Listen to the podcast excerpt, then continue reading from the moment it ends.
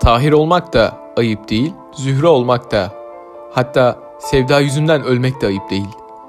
Bütün iş Tahir'le Zühre olabilmekte. Yani yürekte. Mesela bir barikatta dövüşerek, mesela Kuzey Kutbu'nu keşfe giderken, mesela denerken damarlarında bir serumu, ölmek ayıp olur mu?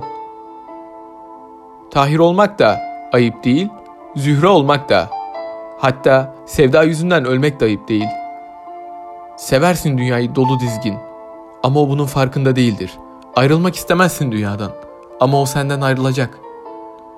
Yani sen elmayı seviyorsun diye elmanın da seni sevmesi şart mı?